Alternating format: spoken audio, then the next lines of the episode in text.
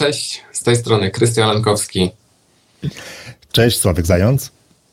W tym odcinku opowiemy Wam, dlaczego naszym zdaniem porównywanie cen y, budowy domu za 1 m2 jest złym pomysłem, daje nierealistyczne wyniki i nie powinniśmy go stosować do szacowania kosztów budowy własnego, przyszłego, wymarzonego domu. Zapraszamy do odsłuchania i oglądania. Zapraszamy. Cześć Krystian, od razu na wstępie pierwsze pytanie, które padło w pierwszym podcaście.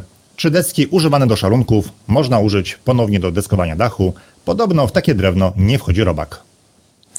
Tak, cześć Sławek. Na początek takie pytanie, hmm, dosyć trudne, bo z jednej strony jakby wiesz, nikt nikomu nie zabroni użyć takich desek e, i faktycznie beton daje im jakąś, jakąś impregnację, ale, ale tu jest y, bardziej problem wykonawczy, y, no bo raz, że używamy mokrego drewna, które będzie schło dopiero na dachu. Dwa, że czyszczenie takiego drewna z betonu, no to jest jakaś niesamowicie mozolna praca. Jeśli ktoś ma ochotę, to jak najbardziej. Ten beton nie zawsze chce łatwo i gładko odpaść, więc trzeba by najpierw deskę wyczyścić, później ją wysuszyć e, i, i pewnie jakoś przyciąć i wygładzić, ale z praktyki wynika, że cięcie takich desek pokrytych cementem czy pokrytych betonem tak szybko tępi narzędzia, że no, to trzeba co chwileczkę wymieniać piłę czy, czy czymkolwiek tam tniemy, czy tarczę. Więc no, teoretycznie po przygotowaniu można by użyć, ale nie wiem, czy, nie wiem, czy warto się bawić w takie deski po kilku użyciach, no bo jakby po pierwsze użyjemy ich do fundamentów, po drugie do szalowania, e, do szalowania wieńców, do szalowania nadproży, i innych rzeczy, które mogą się trafić na budowie, takie jak słupy. I czy one później będą się nadawały do kolejnego użycia? Szczerze mówiąc, wątpię, bo jeżeli e, wykonawca sobie praktykuje takie, takie rzeczy, że chce e, używać zawsze surowych e, desek i na to naciągać inwestora, pewnie nie ma własnych szalonków i te deski na końcu zwykle nie nadają się do ponownego wykorzystania gdziekolwiek, więc mm, różnie z tym może być. Dzięki. I od razu drugie pytanie.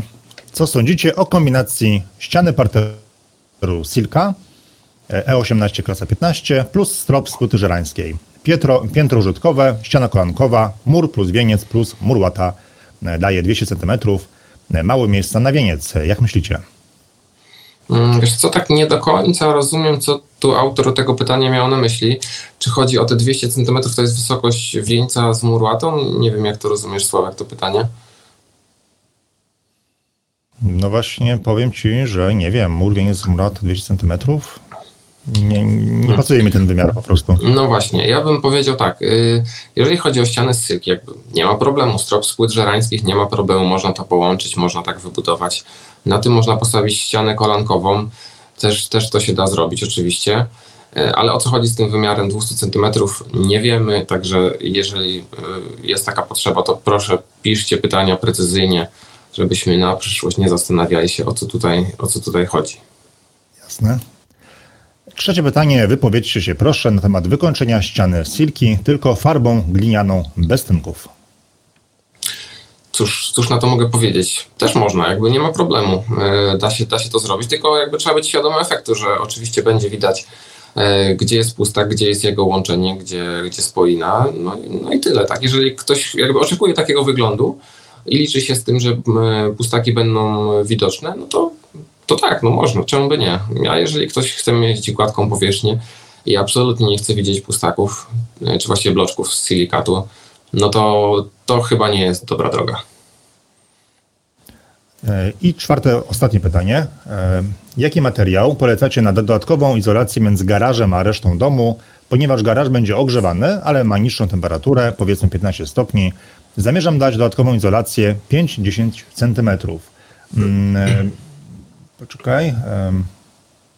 Na strop muszę skończyć. 50 cm na strop i dwie ściany. Podobno materiał powinien być niepalny.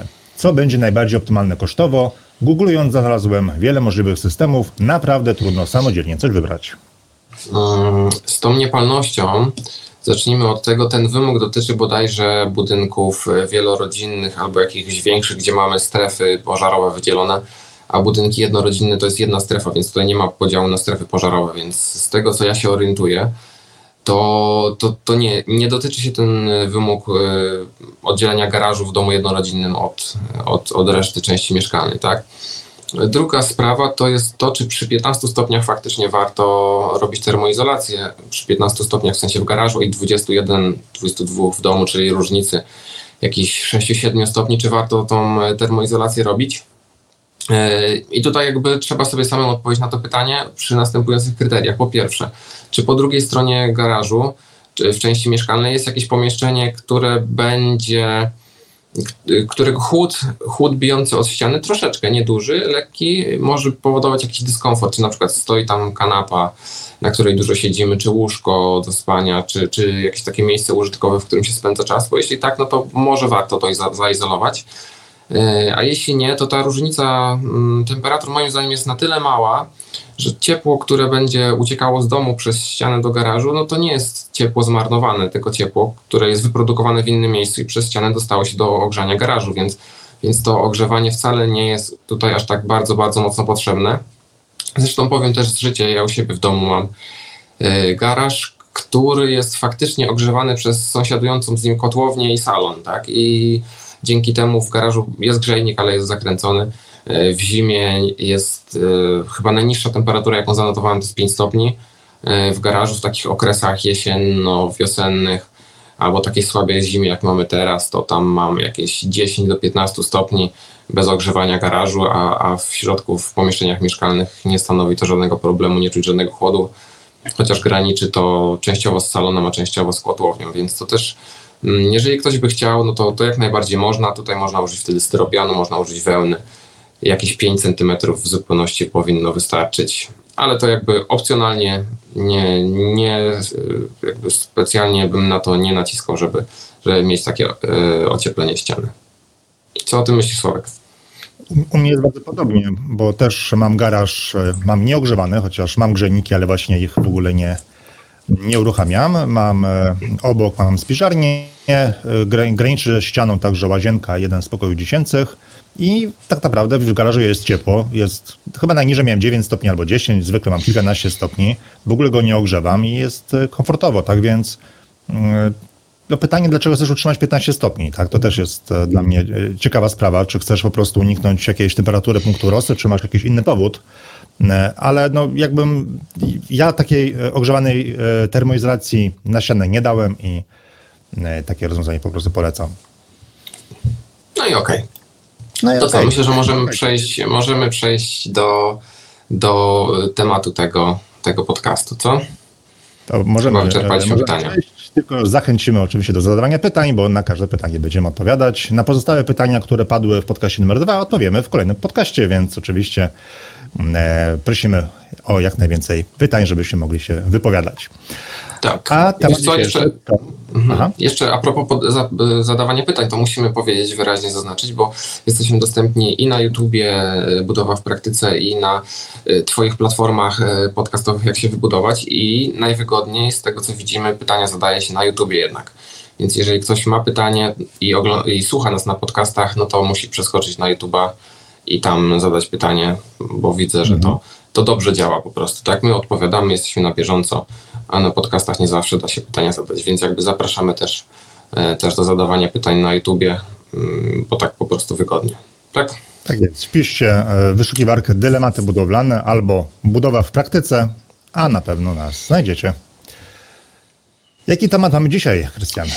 Temat dzisiejszy to jest, e, to jest temat, który zagailiśmy ostatnio, mm, nagrywając ostatni podcast numer dwa, czyli dlaczego wycena domu za jeden metr kwadrat i dlaczego porównywanie takich cen za metr kwadrat jest złe. Jest złym pomysłem, prowadzi do nieporozumień, e, nie jest miarodajne i jakby nie należy się tym mocno sugerować. Tak? Taki, taki jest podcast dzisiejszy. I wiesz co, i na początek, e, jakby, żeby zacząć ten temat, mam do Ciebie pytanie. Właściwie taką, no, no zagadkę, zagadkę to za dużo powiedziane. Możesz, możesz odpowiedzieć jak chcesz, tak jakby nie, nie, nie narzucam ci sztywnych ram. Powiedz mi tak. E, masz 5 milionów złotych i chcesz wybudować wymarzony dom. Jakby 5 milionów to dosyć dużo, tak? Jakby może 1000 metrowej willi nie dasz rady, ale, no, ale trochę już da się poszaleć, tak? Więc nie ma ograniczenia wielkiego budżetowego. Chcesz zbudować wymarzony dom. Co by się w nim znalazło? Jakby nie mów mi o metrach, nie? Tylko jakby co byś chciał, takie wiesz, z bajerów. Z bajerów. No to e, po pierwsze, nie mówiąc o metrach, na pewno mega przestronny salon, taki naprawdę mega 80 metrów na przykład. E, być może chciałbym mieć jakiś wewnętrzny basen, no bo człowiek marzy o takich rzeczach. Jakiś pokój telewizyjny. E, dwa pokoje dziecięce, ale takie większe, po, myślę, że po 15-20 metrów, nie więcej, bo mimo wszystko jakoś szkoda byłoby pieniędzy wydawać na, na coś, co nie będzie jakoś bardzo często używane. I rzeczy takich, wiesz, które sobie wymarzyłem, to może jeszcze garaż e, na trzy samochody, no bo wydam pewnie jeszcze pieniądze na jakiś dodatkowy samochód. E, no i chyba tyle. Nie mam jakichś wielkich, wiesz, e, marzeń, chociaż czuję, że już wielki salon, wielki garaż i tak dalej, to już zrobi się pewnie dom 300 metrów. Znaczy, wiesz co, i jakby tutaj, no, ch chciałem, żeby uniknąć mówienia o metrach, ale dobra, powiedziałeś, to powiedziałeś i wiesz do czego zmierzam? Zmierzam do tego, że powiedziałeś na przykład basen, tak? Mhm. I, I jakby jak basen przekłada się na koszt domu za metr kwadratowy? No nie, jak się przekłada. No nie jak się przekłada, tak? I tak samo powiedziałeś, e, pokój telewizyjny. Wiesz, jakby oczekuję, że przy takim budżecie miałbyś... Um, oprócz tego, że pieniądze na sam pokój, to miałbyś też e, pieniądze na jego fajne wyposażenie. Jak wyposażenie mhm. tego pokoju przekłada się na metr kwadratowy? No oczywiście, nie. nie? I, i jakby, i, do, I jakby zmierzam do tego, bo wiesz, ludzie pytają e, nas, e, znajomych, e, szukają po internetach i pytają, ile kosztuje wybudowanie domu za metr kwadrat w 2023 roku. Najpopularniejsze pytanie jakby wśród budujących pewnie teraz. A już na dzień dobry jakby widać taki zgrzyt. I wiesz, przygotowałem sobie kilka przykładów, bo to na przykładach jakby z każdej branży myślę, że fajnie to zobrazować. Pierwszy przykład, już chyba go kiedyś podawałem, to mm, jest taki, dzwonisz do salonu samochodowego i pytasz, ile kosztuje samochód z silnikiem 150 koni. Jakby koniec, koniec informacji, nie? Koniec informacji. Nie wiesz nic o, jakby, czy sprzedający, on by ci chętnie pomógł, ale tak, nie wie jaki duży, e, nie wie jaki kolor, nie wie jakie wyposażenie, nie wie nic, tak? Jakby podałeś mu jeden parametr i, i, i to jest, y, jakby na podstawie tego wyceniania samochodu, no to też jest, to też jest absurdalne, już to czujemy. Podobnie Jakiś drugi przykład. Idziesz do dentysty i mówisz, że boli cię szóstka, ile będzie kosztowało leczenie? Jakby w drzwiach, mm. nie? Stajesz w drzwiach u dentysty, ile będzie kosztowało leczenie szóstki? No ale co się tej szóstce stało? Jakby, czy dziura, czy boli, czy wiesz, jakby może trzeba prześwietlenie kanałowe i tak dalej, i tak dalej. I idziesz do prawnika i pytasz, ile będzie popro kosztowało prowadzenie sprawy. Jakiej sprawy? Gdzie? Jakby co?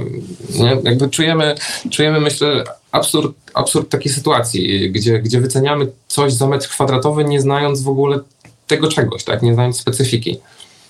Znaczy, wiesz co, wydaje mi się, że dla nas to jest absurd, bo my ten temat znamy, ale mm, w ramach tych przykładów, które podałeś, e, nie wszyscy wiedzą, ale zanim zacząłem prowadzić e, mój serwis. Pracowałem, aż właściwie byłem właścicielem biura tłumaczeniowego, które dalej funkcjonuje, prowadzi je mój przyjaciel. I częstym pytaniem było, ile kosztuje tłumaczenie jednej strony?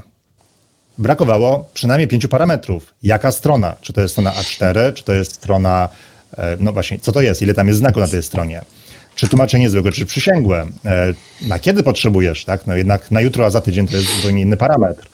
Mm, na jaki język? Bo no, większość myślała, że domyślnym jest język angielski, ale tłumaczyliśmy na 55 języków, tak więc w zależności od tego, co chciałeś, cena była od 50 zł do 350, ponieważ mogło być tłumaczenie przysięgłe na język chiński na przykład. Więc nawet takie pozornie błaha rzeczy, jak tłumaczenie jednej strony rozrasta się do konieczności podania przez klienta kilku kluczowych informacji no przy budowie domu to tych informacji chyba jest z tysiąc, które trzeba znać, zanim się w ogóle ceny jakoś określi. Tak, i właśnie to jest jakby pierwszy, pierwszy taki wniosek, który, który wypływa zawsze przy, przy tego typu rozmowie i moim rozumowaniu, że po pierwsze i najważniejsze trzeba sprecyzować swoje oczekiwania. Tak, każdy klient pytający, że zanim zacznie w ogóle pytać, musi, musi sprecyzować swoje oczekiwania i, i sam dla siebie po pierwsze, a po drugie sprecyzować je i jasno przekazać drugiej stronie, która będzie jakąkolwiek wycenę e, próbowała zrobić, czy też jak, jakkolwiek ktoś by chciał wyceniać, no to i porównywać ceny z innymi, no to musi, no to musi mieć tego świadomość, że, że ktoś inny budując dom e, za x tysięcy za metr kwadratowy miał swoje własne oczekiwania, które włożył w ten dom, gdzie ma basen i salę telewizyjną według własnych potrzeb, a ja nie potrzebuję i ta cena może być kompletnie, kompletnie inna, tak? I tu I tu mm, jakby jest pierwszy wniosek, że, że, że no te, te, oczekiwania, te oczekiwania są super ważne, super istotne i one mają największy wpływ na, na cenę domu, w tym cenę za metr kwadrat, jak już sobie przeliczymy, a nie powierzchnia, która jest podawana jako pierwszy parametr. Ale idźmy dalej, wiesz, bo bo to nie wszystko, nie? Oprócz oczekiwań mamy tak, jeżeli mm, już zdefiniujesz swoje oczekiwania, no to trzeba je przelać e, w rzeczywistość. I tutaj dochodzi do głosu technologia budowy, e, na przykład e, technologia wykonania przeróżnych elementów, bo chcemy czasami je wykonać szybciej, czasami taniej, czasami chcemy je wykonać, żeby spełniały jakieś konkretne wymogi termoizolacyjności albo akustyczności, zależy, zależy kto co określi. I te rzeczy też się nie przekładają na cenę za metr kwadrat bezpośrednio, no bo technologie, jak wiemy, jak wiemy są różne. I, i, i, i mm, nakład pracy może być strasznie, strasznie różny, e, zależnie od tego, kto i jakie ma oczekiwanie, bo łatwiej jest wybudować dom kwadrat, na planie kwadratu niż dom o jakichś e, skomplikowanych kształtach, tak? Więc to, to jest kolejny parametr, gdzie za metr kwadratowy e, te koszty mogą być znacznie różne. Nie wiem, czy coś byś chciał tutaj może, może do tego dodać.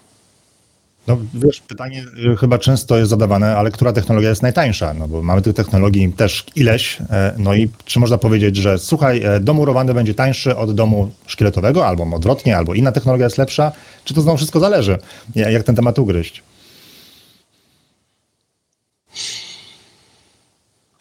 No tak, to jest bardzo, bardzo dużo zmiennych, bo mm, możemy sobie, wiesz, porównywać koszt wybudowania metra kwadratowego ściany, tylko powiem Ci, że to też jesteśmy w stanie jakby tak, metr kwadratowy ściany porównać, ale nie jesteśmy w stanie porównać wybudowania za metr kwadratowy domu w różnych technologiach, znaczy też, ale szczegółowo wtedy trzeba je przeliczyć i to powiem Ci nawet dlaczego i to trzeba każdy projekt indywidualnie jakby przeliczać. Powiem Ci dlaczego, bo sobie taki przykład wypisałem z czystej ciekawości. Weźmy y, dom e, na planie kwadratu, czyli kwadrat e, obok o wymiarach 10 na 10 metrów, czyli jego powierzchnia będzie w uproszczeniu 100 m2, tak? Taki teoretyczny przykład. Zatem powierzchnia jego ścian będzie wynosiła, e, czy długość jego ścian będzie wynosiła 40 metrów bieżących. No, razy tam wysokość 3 metrów mamy powierzchnię ścian. To jest najprostszy dom kwadratowy. A teraz weźmy dom o powierzchni 200 metrów kwadratowych. Też, kwadrat, też na rzucie kwadratu. No i zobacz, co się dzieje. Dom ma powierzchnię dwa razy większą, ale jak sobie to przeliczysz, to wychodzi, że powierzchnia, że długość ścian to 57 metrów bieżących. Mhm. Nie dwa razy więcej, tak? Tylko 40% więcej. I to jest jakby kompletnie, kompletnie inny parametr. I teraz, jeżeli zaczynamy budować dom o bardziej skomplikowanej bryle, z jakimiś wcięciami w ścianach, wysunięciami itd., tak itd., tak to samo zwiększanie powierzchni jest kompletnie nieproporcjonalne do tego, jak duże ściany budujemy. Nie mówiąc już o dachu, gdzie możemy budować piętro, piętro, piętro, piętro, piętro, tak? Jedno piętro w górę, part i mhm. jedno piętro e, w dół I mamy ten sam dach, co przy parterówce o trzy razy mniejszej powierzchni, no bo jest jedna kondygnacja, a nie trzy. Więc tutaj jakby mm, technologia i porównywanie mm, różnych technologii budowy nijak się ma do kosztów za metr kwadrat powierzchni domu. No z tego właśnie powodu, że my porównujemy na przykład powierzchnię budowy ścian tylko. Yy, mhm. W sensie koszt budowy ścian a, a to jest jakiś ułamek, ułamek całości, niekoniecznie ma się jakkolwiek realnie do, do całej powierzchni. Tak samo chyba trudno jest porównać budowę domu parterowego z poddaszem użytkowym, bo też takie pytania często dostaję, tak? Co, co jest tańsze?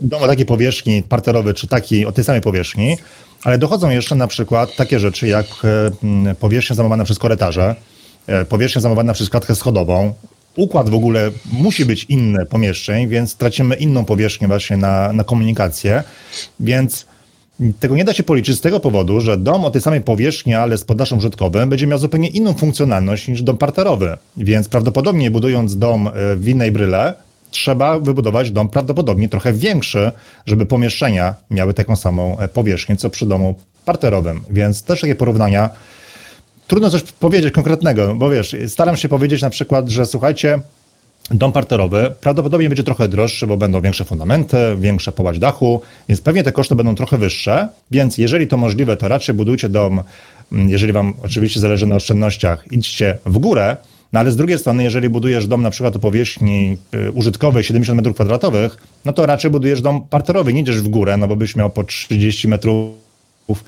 po 40 metrów na każdej kondynacji. Więc ja bym, wiesz, ja bym chciał mieć taką konkretny spis porad, nie? Chcę to, więc buduj to bo to będzie kosztowało tyle, ale no chyba tak się po prostu nie da i trzeba wykonać jakąś pracę samemu, żeby uzyskać wycenę od wykonawców, no bo chyba nie ma innej możliwości. Tak, tak, właśnie, właśnie to jest to, to jest to, że, że nie, nie ma prostego przepisu, tak? Chciałoby się mieć prosty przepis, ale prostego przepisu nie ma i nie da się tego, nie da się tego budować. To właśnie to, co mówisz, to jest świetny przykład domy parterowe kontra E, z poddaszem użytkowym, który jest tańszy. To jest, to jest tak trudne do przeliczenia. Mm, szczególnie wiesz, jakby o ile jeszcze stan surowy, no to jakoś tam coś można by próbować achmęcić, ale wykończeniówkę, mm, a też ona przecież jest ważna, no bo nikt nie mieszka w stanie surowym i czy, czy już meble, czy mhm. później AGD, tak, to też to jest w ogóle nieprzeliczalne na metr kwadratowy. To jeszcze kolejny przykład zarzucę. Mm, weźmy coś takiego, y, łazienka. No powiedzmy masz w domu dwie łazienki, E, o powierzchni każda niech będzie 6 m2. Czy jeśli zrobisz je dwa razy większe o powierzchni 12 m2, to czy one będą dwa razy droższe? Jakby sprzęty są te same, tak? E, sprzęty są te same. Powierzchnia ścian, sufitów, tak, ona się zwiększy, no ale sprzęty się nie zwiększają, więc jakby nie możemy mówić tutaj o dwukrotnym wzroście, o dwukrotnym wzroście ceny za, za, za taką łazienkę. Większa różnica będzie ze względu na to, jakiego materiału użyjesz, niż, niż ze względu na powierzchnię, tak? tak, tak, tak, tak to widzę i tak to, i tak to praktyka pokazuje. Mm, no dobra, jeśli, jeśli się ze mną zgadzasz, to mam jeszcze kolejne, jeszcze kolejne na dokładkę e, tematy, dlaczego uważam, że wycenianie za metr kwadratowych domu jest po prostu błędne. No i tutaj, tak jak wspominałem, o ile można coś próbować przy stanie surowym, no to dom składa się oczywiście z kosztów wykończenia, to też zahaczyłem ten temat, ale jeszcze mamy przyłącze do tego, tak? Sam koszt działki, E, no bo dom gdzieś musi stać, sam koszt przyłączy, który jest kompletnie niezależny od, yy, od kosztów budowy stanu surowego, czy od kosztów wykończenia i w ogóle od metrów kwadratowych. Nie ma nic, nic wspólnego, tak, bo przyłącze może być blisko, przyłącza może być, może być daleko, więc to trzeba zupełnie osobno rozważać. Co mamy? W tych czasach inflację mamy, więc jeżeli ktoś wybudował swój dom i podaje realny koszt jego domu wybudowania za metr kwadratowy, to trzeba mieć świadomość, że to jest realny koszt wybudowania w ciągu ostatnich dwóch czy trzech lat, tak? A nie to, że dzisiaj zaczniemy, to już wiadomo, że nie, nie osiągniemy takich, takich samych cen, e, tylko te ceny będą się zmieniały na przestrzeni kolejnych dwóch, trzech lat budowy. No i znowuż kolejna sprawa, lokalizacja w Polsce. Też duże miasta, małe miasta, odległość od, od producenta jakichś konkretnych materiałów budowlanych, które czasami są ciężkie i trzeba je dostarczyć i tu w grę wchodzą koszty transportu. Takich zmiennych jest naprawdę, naprawdę sporo. Co o tym sądzisz? No, ni niestety się zgadzamy, niestety, bo mieliśmy sobie nie potakiwać, a tutaj się okazuje, że zgadzamy się dosyć często, ale dodałbym parę rzeczy. E, kwestia śmiało. naszego podejścia do budowy, e, czyli po pierwsze kwestia pośpiechu e, i to widzę bardzo często. Bardzo dużo osób chce wybudować dom jak najszybciej, więc wybiera pierwszego wykonawcę, który ma wolne terminy, więc akceptuje jego cenę, więc ma drożej. To jest jakby jedna kwestia. Druga kwestia to jest e, brak czasu albo umiejętności negocjacji. I e, często się przepłaca na każdym etapie budowy, od, od geodety nawet, wiesz. E, należy zadzwonić do trzech geodetów, dopytać o cenę, wybrać dobrą ofertę tanią, Więcej ludzi robi tak, że po prostu dzwoni do, do geodety i przyjmuje pierwszą ofertę. Może być nawet o 500 zł droższa, ale nie wiemy, że przepłaciliśmy, bo nie mamy innych ofert. 500 zł za geodetę, 1000 zł za projekt, 1000 e, zł za kierownika, 1000 tu, 1000 tu, 1000 tu. Mnóstwo jest tych tysiąców, które, tysięcy, które zaoszczędzimy i nagle się okazuje, że za budowę zapłaciliśmy nawet 50 tysięcy, 100 tysięcy więcej, tylko dlatego, że nie negocjowaliśmy. Tak więc tym bardziej ja bardzo uprzedzam przed e, słuchaniem się innych, ile oni zapłacili za e, zabudowę swojego domu, bo nie wiemy, z czego jest ten dom wybudowany, czy on jest wybudowany poprawnie, nie wiemy, jakie są rozwiązania, nie wiemy, kto to robił, e, czy ktoś negocjował podczas budowy niczego nie wiemy, więc nawet wyciąganie średniej nie ma sensu. E, to ja administruję jedną z największych grup e, na tym, na Facebooku, Budowa domu samemu, nie wiem, czy o tym ci kiedyś mówiłem. Mówiłeś, I wiem. bardzo często są takie dyskusje i, i bardzo często osoby próbują wyciągnąć jakieś informacje właśnie z takich stu komentarzy. Ale to nie ma sensu, bo jeden ci poda, że zapłacił za budowę 3000 zł w 2012 roku, ale tego nie poda bo w komentarzu jest tylko cena. Drugi powie, że wydał 6 tysięcy złotych, ale za jakiś dom prefabrykowany, który musiał być postawiony w ciągu kilku miesięcy, bo zależało mu na czasie. Z tego się nie da wyciągnąć informacji, że średni koszt budowy wynosi 4,5 tysiąca na przykład. Więc, e, więc my wiemy o tym, że tak się nie robi, ale da, ja dalej trochę nie wiem, jak powinno wyglądać oszacowanie kosztów budowy, tak? Czyli mamy kogoś, kto by chciał się wybudować, ale nie wie, ile to będzie kosztowało, więc dopóki nie wie, no to się za budowę nie zabiera. I tutaj nie wiem, jaki masz na to pomysł. Wiesz co, no pomysł jest bardzo prosty i, i, trudny w realizacji, tak? No bo prosty jest taki, że trzeba po prostu wziąć i to policzyć. No, znaczy jakby nie ma innej metody. Bierzemy po kolei wszystko, co tylko wchodzi w skład y, budowy domu i siadamy i liczymy. Jak nawet na moim blogu zamieściłem kiedyś takiego Excela, jest dosyć rozbudowany i starałem się po prostu w nim umieścić jak najwięcej takich pozycji, które trzeba dodać budując dom. No i zaczynamy y, od tak, praca koparki, pod wykopy pod fundamenty, później same fundamenty, ścianki fundamentowe, ściany parteru i tak dalej, i tak dalej. Liczymy i nie zatrzymujemy się w momencie, gdy doliczymy do dachu, tylko kontynuujemy pracę, y, żeby jak najwięcej elementów wyposażenia po prostu oszacować, bo tutaj jest duży koszt typu 1 trzecia, tak? Jakby ten rząd wielkości to jest 1 trzecia budowy budowy y, domu, więc y, wszystkie meble, AGD, zabudowy, kanapy i tak dalej, i tak dalej, malowanie, farby. No im bardziej ktoś ma duży dom, im bardziej skomplikowany, tym więcej czasu powinien poświęcić na właśnie takie planowanie szczegółowe wnętrz, bo tam kryje się dużo, dużo naprawdę wydatków i można nieźle na tym, nieźle na tym popłynąć, kolokwialnie mówiąc. E, I nikt tego nie zrobi za nas, no chyba, że zatrudnimy profesjonalistę, który który się tym zajmie, tak? Ja też tutaj dla Sławka robiłem, robiłem, e, to już wspominaliśmy, wycenę tego domu modelowego. Powiedzmy, doszliśmy do stanu deweloperskiego, tylko założenie było takie. Ja wyceniam to po swojemu. Mm, jakby przyjmuję dobre materiały, przyjmuję dobre materiały, przyjmuję to, co uważam za słuszne, przyjmuję kolory i tak dalej, i tak dalej. I Sławek powiedział, ok, tak może być, nie? Ale gdybyśmy chcieli pójść dalej w wykończeniówkę, no to już pewnie tak by się nie dało zrobić. A i na etapie stanu surowego czy stanu deweloperskiego, szczerze mówiąc, powinniśmy usiąść i kilkanaście godzin pewnie przegadać. No gdybyśmy budowali dom dla ciebie, tak konkretnie. Nie, nie modelowy nie przykładowy, gdzie wybór odcienia dachówki nie ma znaczenia, ale gdybyśmy budowali konkretnie twój dom, powinniśmy wtedy usiąść i przegadać, czy dokładnie ta blacha, bo tam była blacha akurat y, ci odpowiada, bo jest sześć rodzajów, tak? Y, wszystka, ka, każda jest na rąbek, tak jak jest opisane w projekcie, każda ma kolor grafitowy, tak jak jest opisane w projekcie, ale jest sześć rodzajów, nie? Wybierzmy, którą chcesz. I, I, jakby i, i, powinniśmy to zrobić, tak, tak, tak prawdę mówiąc. I, I, da się to zrobić, nie? Tylko to jest y, czasochłonne. Jeżeli ktoś robi to sam, musi poświęcić na to czas. Jeżeli nie, mm, to te porady z internetu typu że ja wybudowałem dom za tam 5 tysięcy za metr kwadrat, to po pierwsze, jeżeli komuś za, zależy, to musi dopytać, kiedy, w sensie osoby, która budowała, kiedy budowała, w jakim standardzie, co tam jest, czego nie ma yy, i tak dalej. A po drugie, trzeba to raczej traktować jako zacznijmy od 5 tysięcy wzwyż. Tak, tak bym dla bezpieczeństwa, bo może się uda taniej, może się uda drożej, ale mamy za mało danych, żeby wywróżyć, żeby mieć 100% pewności, więc traktujemy to jako dolną granicę kosztów, od których jesteśmy w stanie, w stanie wybudować samodzielnie dom, no bo tu też, tak jak sobie powiedziałeś, kolejny parametr w ogóle niezależny od, od samego domu, tylko od człowieka, który go buduje, to umiejętności negocjacyjne, tak? To, to, to, tego się nie da przejść na metry kwadratowe, tu nie ma w ogóle takiej opcji. Mhm. E, Słuchaj, mam, y, bo teraz tak, rozmawiamy o tym, że właśnie samodzielnie trzeba coś wykonać i kilkanaście godzin co najmniej spędzić na te Excelem.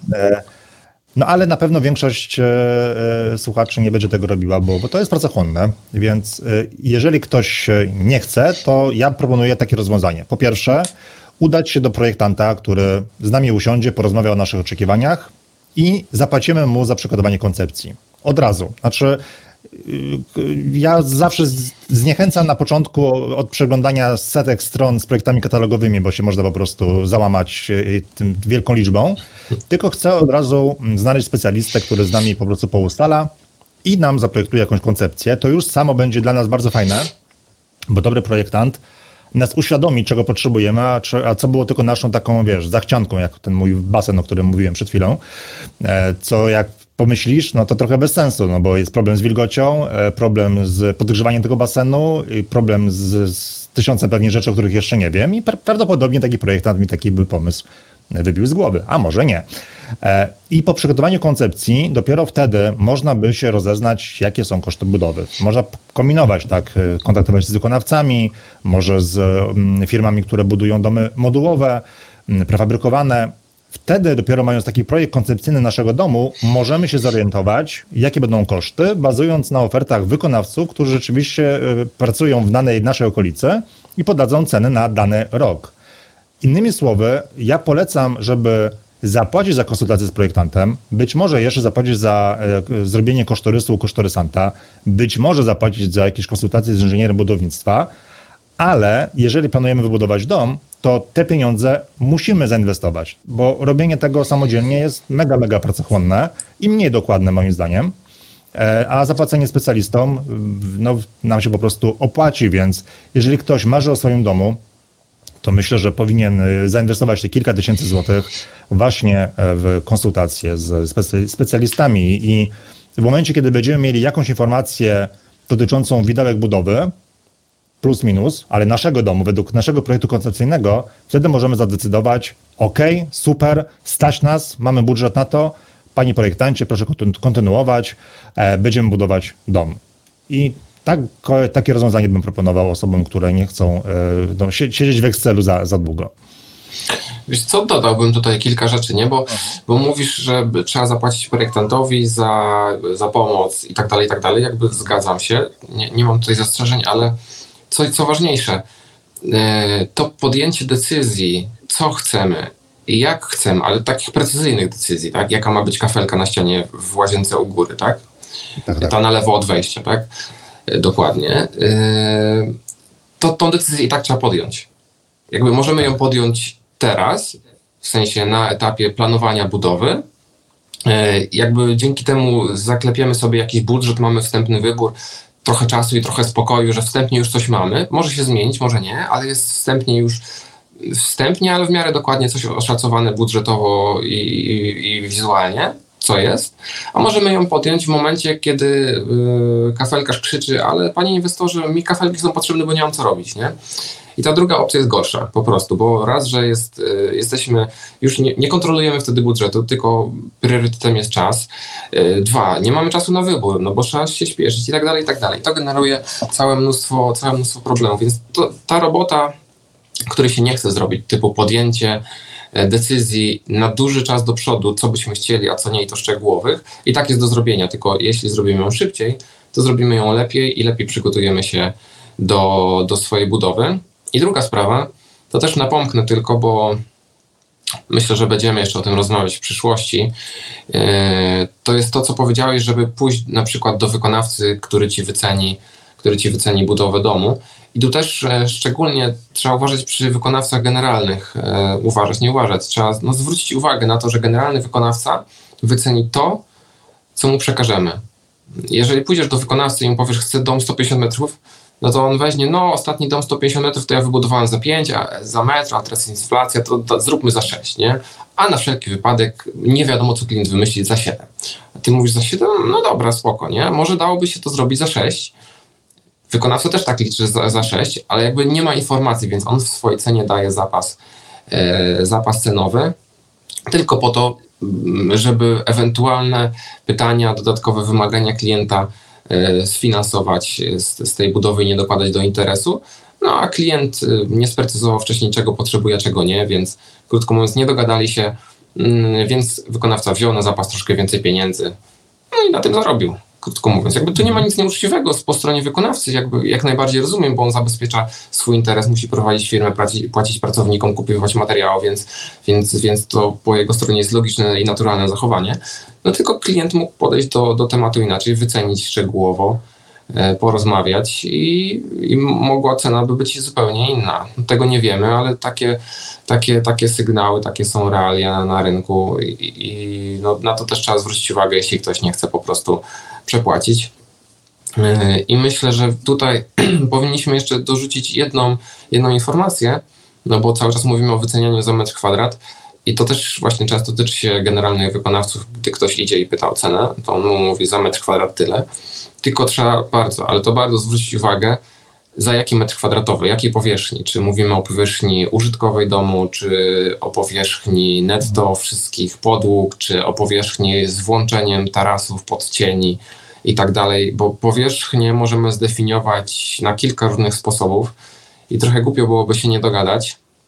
W przypadku, gdy budujemy dom powiedzmy 180 metrów, gdzie mamy duży garaż y, na dwa samochody i kotłownię, no to powierzchnia użytkowania uwzględnia garażu i kotłowni, bo tak jest liczona zgodnie z prawem, a powierzchnia podłóg netto uwzględnia, więc możemy mieć z 50 metrów e, różnicy, tak? Czyli jedną tą którąś trzecią, czwartą yy, powierzchni całego domu, no to to bardzo, bardzo mocno rzutuje na, na koszt budowy za metr kwadrat, a nie ma żadnego wpływu na koszt budowy całego domu w, po całości, więc trzeba bardzo uważać, jak się definiuje samą powierzchnię użytkową i to też jest, myślę, częste pole do nieporozumień. E, jeszcze wrócę i uściślę mm, projekt koncepcyjny, bo e, myślę, że e, część osób może myśleć, że projekt koncepcyjny to są tylko wiesz, kreski na, na kartce, które pokazują, gdzie będzie sypialnia, gdzie będzie pokój. Natomiast ja przez projekt koncepcyjny mm, mam na myśli już jakby przeprocesowane, przegadane z projektantem większość rozwiązań, które chcemy zastosować w swoim domu, czyli już wiemy, jaki materiał, jaka technologia, jakie fundamenty, czym będziemy ogrzewać dom. Mamy to już wszystko ustalone i projekt koncepcyjny już jest taki naprawdę krok do zrobienia projektu budowlanego, czyli wiemy, z czego będziemy budować, znamy dokładnie powierzchnię, wiemy przynajmniej, czy będzie, jaki będzie dach, czyli na przykład, czy będzie dachówka, czy, mm, czy blacha, czy coś co innego. Czyli mamy już podjętych e, dużo takich największych, najbardziej kosztownych decyzji, e, które są mm, podczas budowy. I dopiero wtedy, kiedy mamy te wszystkie decyzje podjęte, mamy projekt koncepcyjny, to myślę, że wykonawca jest w stanie całkiem nieźle oszacować koszty budowy. Oczywiście mm, w momencie, kiedy będzie projekt budowlany, tam będzie mnóstwo szczegółów, tak, związanych z hydroizolacją fundamentów, z tysiącem rozwiązań, ale myślę, że one mogą wpłynąć na koszty budowy, ale w stopniu typu, wiesz, 10-15%, ale nie nagle koszty budowy nie wzrosną na przykład o 50%. Więc taką ścieżkę ja proponuję, tylko zachęcam do znalezienia projektanta, który rzeczywiście nas wysłucha i zrobi e, to, co mm, e, zaprojektuje dom dla nas, a nie dla siebie, bo to jest częsta rzecz, że projektanci e, narzucają rozwiązania, które znają, niekoniecznie najlepsze. Tak, tutaj się, tutaj się z Tobą zgodzę. Wiesz, tutaj też wchodzi jakby kolejna, to co powiedziałeś o szczegółowych rozwiązaniach technicznych, typu hydroizolacji i tak dalej, tu wchodzi kolejny parametr, czyli jakość. Jakość, jakość wykonania budynku sanusorowego, zagospodarowania terenu. Tak, zagospodarowanie niewiele nawet powiedzieliśmy, a to też nie ma nic wspólnego z przeliczaniem ceny na metr kwadrat. No i jakość, jakość wykończenia, jakość materiałów wykończeniowych, bo to może zmienić cenę, myślę, że nawet więcej niż o te kilkanaście procent, mhm. bo czasami to widać po inwestorach. Nie, niektórzy y, robią tak, że machną ręką, a wszyscy tak robią w okolicy, to ja też tak zrobię. I jakby to jest y, powiedzmy jakość ekonomiczna, tak bym to nazwał. Mhm. Tak, ma być tanio, tak? Tak jest kryterium. No i ja rozumiem, jakby jeżeli ktoś buduje tanio i ma być tanio, no to, no to buduje tanio i wtedy to jest jego kryterium wyboru po prostu. Ale są osoby, które chcą może czasami wybudować y, lepszej jakości, więc, y, więc tutaj powinny Y, nie, nie machać ręką na to, że a wszyscy tak robią, tylko wybrać wykonawcę, produkty lepszej, lepszej jakości, bardziej dopilnować wykonawstwa. No i wtedy tutaj myślę, że ta różnica, mówię, może być większa niż kilkanaście procent, co jakby dalej, będąc w temacie naszego tego odcinka, nijak nie przekłada się na metr kwadratowy, tak? Bo jak, jak uwzględnimy jakość w metrze kwadratowym? No, no nijak, tak krótko mówiąc. I to, I to jakość na każdym etapie, jakość na etapie stanu surowego, stanu deweloperskiego, jakość wykończenia, jakość e, zagospodarowania działki wokół budynku. Nie jest to w żaden sposób e, mierzalne metrem kwadratowym, tak bym to nazwał. I myślę, że tu różnice mogą być kolosalne, tak? Szczególnie, e, szczególnie przy wykończeniu tu różnice mogą być naprawdę, naprawdę bardzo duże. Tak? Zresztą yy, dachówki, takie już materiał wizualny bardziej, yy, okna, tak, okna to jest świetny przykład. Yy, tu można ceny razy dwa, razy trzy bezproblemowo. No, tak, to, to tutaj i to jak, jak przeliczyć cenę okien na metr kwadratowy i porównać. i to okien o różnej jakości. To jest nie, nieporównywalne moim zdaniem w ogóle. E, mam ochotę zrobić takie zestawienie na, na blogu, jak już skończymy pracę nad naszym kursem. E, reklama. Tak, koło, koło marca, kwietnia skończymy kurs budowa domu od A do Z do stanu deweloperskiego, bo dopiero podczas realizacji tego kursu uświadomiłem sobie, jak znaczy ja wiedziałem, że jest dużo rzeczy, które można wykonać na różne sposoby, ale dopiero jak rozbiliśmy ten, e, tą budowę na te 100 e, jakby kroków, dopiero zobaczyłem, poczułem, że każdy krok ma wpływ ogromny na cenę, bo można wszędzie zaoszczędzić, od właśnie fundamentów po dach. Jak wiesz, e, są wykonawcy, którzy więźbę dachową łączą na jakieś dwa gwoździe i uważają, że wszystko jest dobrze. Tymczasem użycie prawidłowych, dobrych łączników, zrobienie wszystkiego zgodnie z normami, to wcale nie jest takie proste. Oczywiście będzie droższe, bo dobry wykonawca się ceni, na każdym elemencie można zaoszczędzić. E, na każdym elemencie można zapłacić odpowiednią e, cenę za wysoką jakość. I e, to, to jest trudne dla osób, które jeszcze domu nie wybudowały, wiesz, bo ja pamiętam, jak te kilkanaście lat temu budowałem swój dom, to dla mnie w ogóle, wiesz, sformułowanie stan surowo otwarty to było dla mnie w ogóle czymś nowym, nie? fundamenty, no to wiedziałem, że jest coś w ziemi, co jest twarde i to jest bardzo ważne, tak, tak czułem, ale jakby trudno jest poznać osobie, która buduje pierwszy dom, właśnie te rzeczy, o których mówię, że jest 100 albo i więcej takich drobnych rzeczy, które mają wpływ na koszty budowy, więc myślę, że w tym w kolejnych podcastach będziemy też jakoś o tym trochę mm, szerzej mówili, e, e, no bo chciałbym, żeby e, osoby, które nas słuchają, trochę poczuły ten temat bardziej, żeby nawet trochę były bardziej techniczne niż są teraz, bo to się też przyda nawet do kontrolowania wykonawcy, w jakim zakresie, albo do wyboru kierownika budowy, albo do tego, żeby po prostu wiedzieć, że wykonawcy potrafią iść na skróty i warto być na to przygotowanym, żeby móc zareagować, gdyby na przykład na budowie nie było kierownika budowy. Taka, taka dygresja na, mhm. na koniec odcinka. Tak, taka dygresja reklamowa. Wiesz co, tutaj do tej dygresji reklamowej dodam, e, dodam jeszcze takie coś. Jakby tak, zgadzam się jak najbardziej. E, zgadzam się jak najbardziej z tym, co powiedziałeś, że to jest po prostu trudne dla wielu osób. No I tutaj dlatego była dygresja reklamowa, bo reklamujemy dobry kurs, który przez to prowadzi, ale też e, tak, ale też chcę o czym innym powiedzieć, że jakby to sprawia też e, początkującym osobom, które budują swój dom pierwszy raz, nawet porównanie ofert, tak. E, to, co mówiłem przed chwilą, ten przykład o bla, e, blaszy dachowej na rąbek, którą moglibyśmy zastosować do projektu domu modelowego. No jeżeli jest kilka do wyboru, no to czym kierować się, e, wybierając yy, spośród różnych, różnych rodzajów blachy, czy ceną, czy wyglądem, czy czymkolwiek innym, jakie mają właściwości. I to jest sama blacha. Jeżeli mamy ofertę od wykonawcy na stan surowy, no to co w ogóle mamy porównywać, jeżeli w stanie surowym jest kilkanaście albo i kilkadziesiąt pozycji, które są istotne ze względu na jakość, e, ze względu na cenę, jeszcze na estetykę, wygląd i tak dalej, przyszłego domu, no to, to tu jest naprawdę, naprawdę duże pole do nauki dla, dla osób, które budują dom pierwszy raz. I wiesz co, też myślę, można, można zdradzić, zdradzić chyba małego rąbka tajemnicy, że y, powoli, powoli, ale pracuję nad tym, że jeżeli ktoś nie chce zrobić tego samodzielnie, tylko zlecić całą, całą budowę domu y, wykonawcy, to coś będę mógł też w tym, y, w tym pomóc. Więc to tak zagaimy temat, ale rozwiniemy go, jak coś będzie już do pokazania. E, żeby ktoś, kto nie chce samodzielnie zajmować się tym wszystkim, o czym tutaj mówimy już od kilkudziesięciu minut, żeby, żeby po prostu mu to znacznie, znacznie ułatwić. No dobra, co, przechodzimy powoli chyba do końca. E, jakieś mamy rady dla naszych słuchaczy? Dla mnie może masz jakąś radę? Nie załamywać się, to po pierwsze. Po, po drugie, to, to będzie chyba podsumowanie obu podcastów, bo w drugim podcaście też mówiliśmy trochę na temat e, tego, żeby e, sprecyzować swoje oczekiwania i potrzeby w ogóle przed szacowaniem czegokolwiek.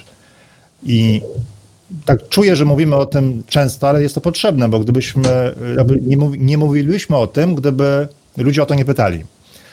E, tak. A często zada się pytanie o metr kwadratowy, a na to pytanie nie da się odpowiedzieć, dopóki nie sprecyzujecie, co dokładnie chcecie wybudować, czyli e, kiedy, jakim trybem, w jakiej technologii, co chcecie, jak chcecie ten dom ogrzewać, czym, jaką chcecie wentylację i tak dalej.